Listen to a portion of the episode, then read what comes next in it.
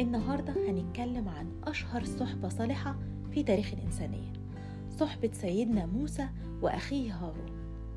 سيدنا موسى لما طلب من الله عز وجل طلب منه سبع طلبات مرة واحدة. واحد رب اشرح لي صدري. اتنين ويسر لي أمري. تلاتة واحلل عقدة من لساني يفقه قولي. أربعة واجعل لي وزيرا من أهلي. خمسة هارون أخي. ستة أشدد به أزري سبعة وأشركه في أمري. ليه بقى كانت كل الطلبات دي؟ علشان يقدر يحارب فرعون؟ لا خالص. كي نسبحك كثيرا ونذكرك كثيرا. والنتيجة كانت إيه؟ استجابة الله عز وجل لطلبه.